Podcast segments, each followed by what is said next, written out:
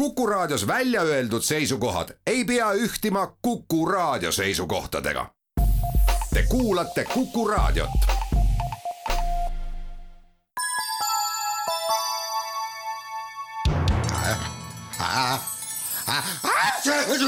terviseks, ma ütlen terviseks. saadet toetab Lääne-Tallinna Keskhaigla, vaata ka keskhaigla.ee tere, head Kuku kuulajad, eetris on saade Terviseks ja kui eilses saates rääkisime maksa tervisest pärast pühi ja pankreatiidist, siis tänasel teemal jätkame. mina olen Ingela Virkus ja koos minuga on stuudios Lääne-Tallinna Keskhaigla endoskoopia osakonna ülemarst doktor Külliki Suurma, tere taas! tere taas! Mulle jäi eelmisest saatest kõrvu, kuidas te ütlesite, et, et teinekord, kui patsient on mingite murede või kaebustega juba teie juurde jõudnud, siis juba peale vaadates saate aru, et kus see probleem võib olla, et kas see võib olla maksas mm -hmm. või siis äh, kõhunäärmes, et äh, kuidas see diagnoosimine tegelikult siis käib, et mm -hmm. arsti diagnoosimine. just, et kuidas te jõuate selle põhjuseni, miks inimesel on kõhus valud näiteks? no ütleme niimoodi, mul on meeles ülikooli ajast üks asi, oli üks väga suuremene arst, õpetaja meil Ülo Lepp ja tema ütles alati, et vaadake haiget, vaadake, kuidas ta kõnnib ja kuidas ta astub uksest sisse. et see on juba esmane nagu arusaamine, millega võiks olla tegu. ja see on tõesti tõsi, sa vaatad, pead vaatama ta nahka, vaatad silmi, keha hoiakuid, kuidas ta kõnnib, kuidas ta heidab, kus ta ütleb, kus tal valutab. et nagu selline väline vaatlus ja, ja kogemus muidugi on väga oluline. juhul, kui on anamnees võetud, haige kurdab valu vasakul pool küljes näiteks ja, ja selle, see on üks väga niisugune keeruline valu, haiged kohe mõtlevad, et kõhunääre võib olla ja nii edasi. teinekord on hoopis sapikivid põhjuseks ja valu kiirgub vasakule ja nii edasi, siis ma vaatan haige läbi, katsun kõhtu, leian, et näiteks mõnegal juhul on vaid maks suurenenud olla, võib-olla on isegi tsirroosihaige, siis on ta konarlik ja käega katsutav ja suurenenud ja, ja tunnen ka, et kõhus on natuke vedelikku, seda ma suudan kõike oma kätega ära tunda. ja no aga siis järgnevad täpsed analüüsid, et vereproovides me näeme, kuidas on maksaneerutöö, see on ka omavahel seotud, kas on põletikunäitajad tõusnud, et verepilt annab arstile ka väga palju, me vaatame ka vähimarkerid näiteks, on võimalik määrata nii kõhunäärme kui ka maksamarkerid. Nad on muidugi alati öeldavad, et kaudsed, et me peame edasi mõtlema ja teinekord me teeme siis uuringut edasi, ultraheli uuringu, näiteks meie täpselt ei leia midagi halba, siis me uurime teinekord edasi veel, isegi tehakse kompuutertomograafia, et näha võib-olla veel detailsemalt seda kõhunääret ja maksa või pankrest. Ja veel, kui tahame veel täpsemalt, kui meil on juba mingi kolle näiteks pankres ja sageli võib olla mingi väike tsüst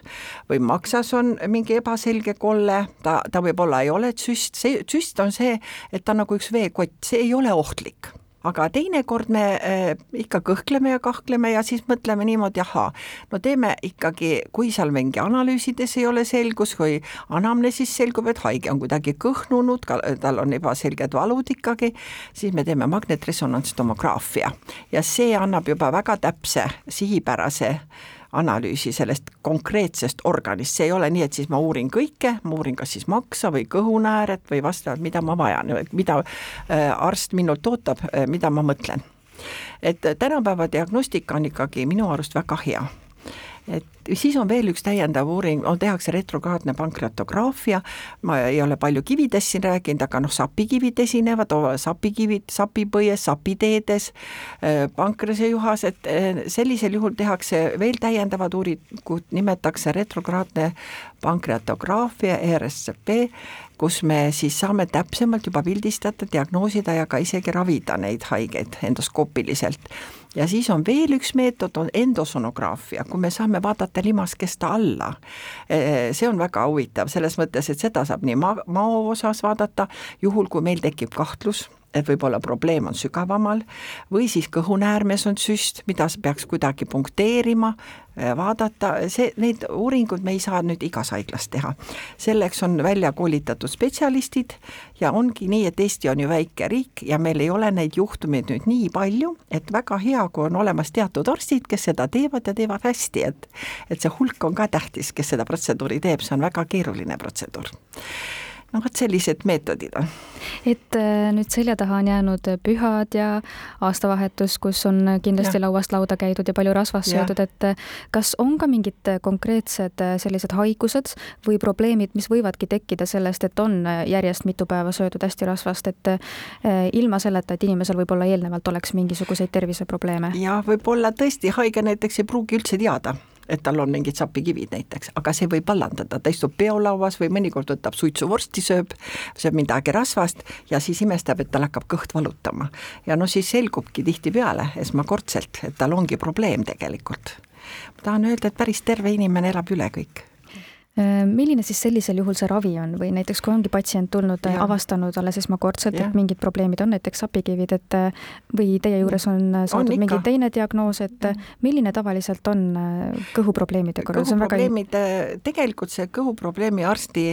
töö on väga suuresti diagnostika et me peame ikka panema õige diagnoosi, ravimid on suhteliselt vähe meil, aga neid ravimeid me muidugi teame. Ja, ja väga, väga tähtsal kohal, vaat siis tuleb see jutuks see dieedi teema, eks ole, et ärge sööge rasvast, ärge sööge palju süsivesikuid eh,, hoiduge magusast, et ei tekiks ei suhkruhaigust, ei, ei sedasama, ei areneks edasi sedamaks steatoosi ja tarvitage vitamiine ja nii edasi, aga sapikivide puhul vahest tuleb opereerida, see on edasi kirurgidele,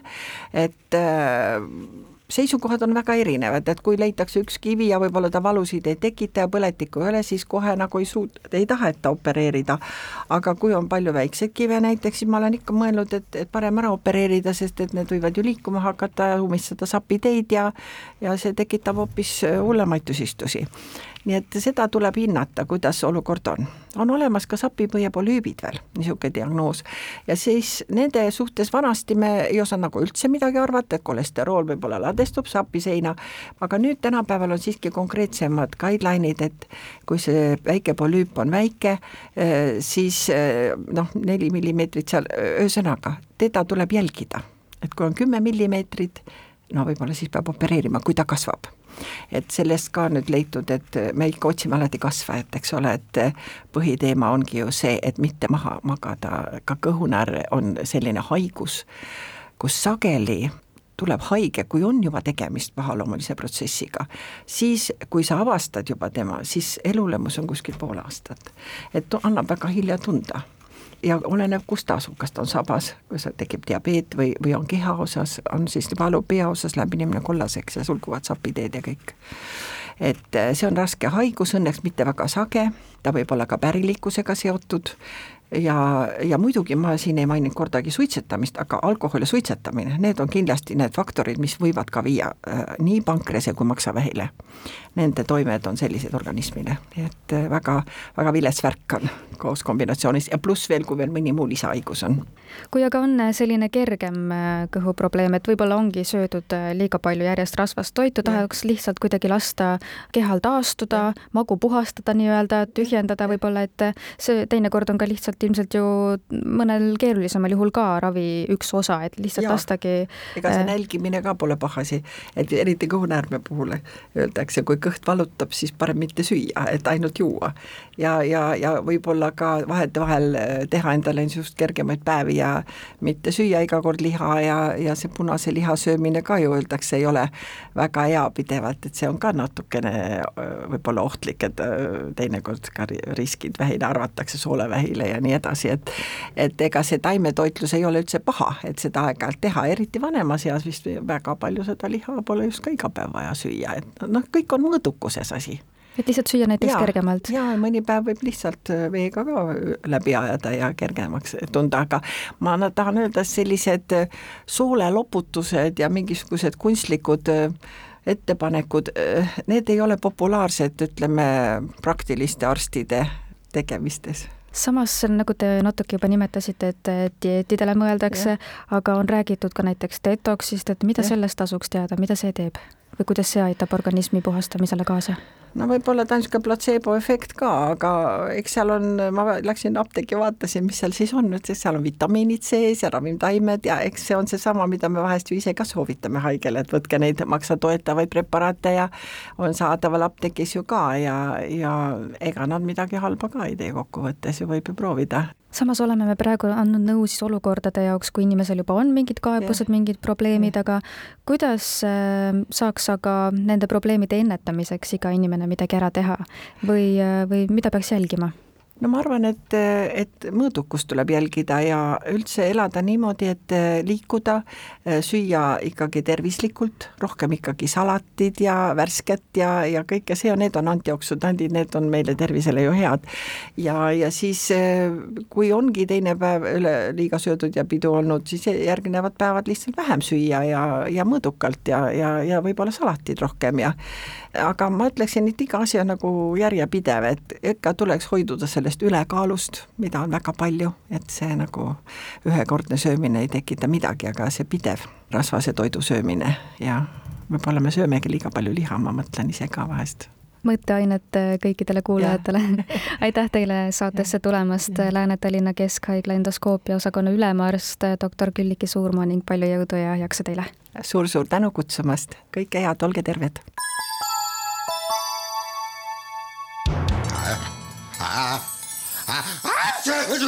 Terviseks, ma ütlen terviseks. saadet toetab Lääne-Tallinna Keskhaigla, vaata ka keskhaigla.ee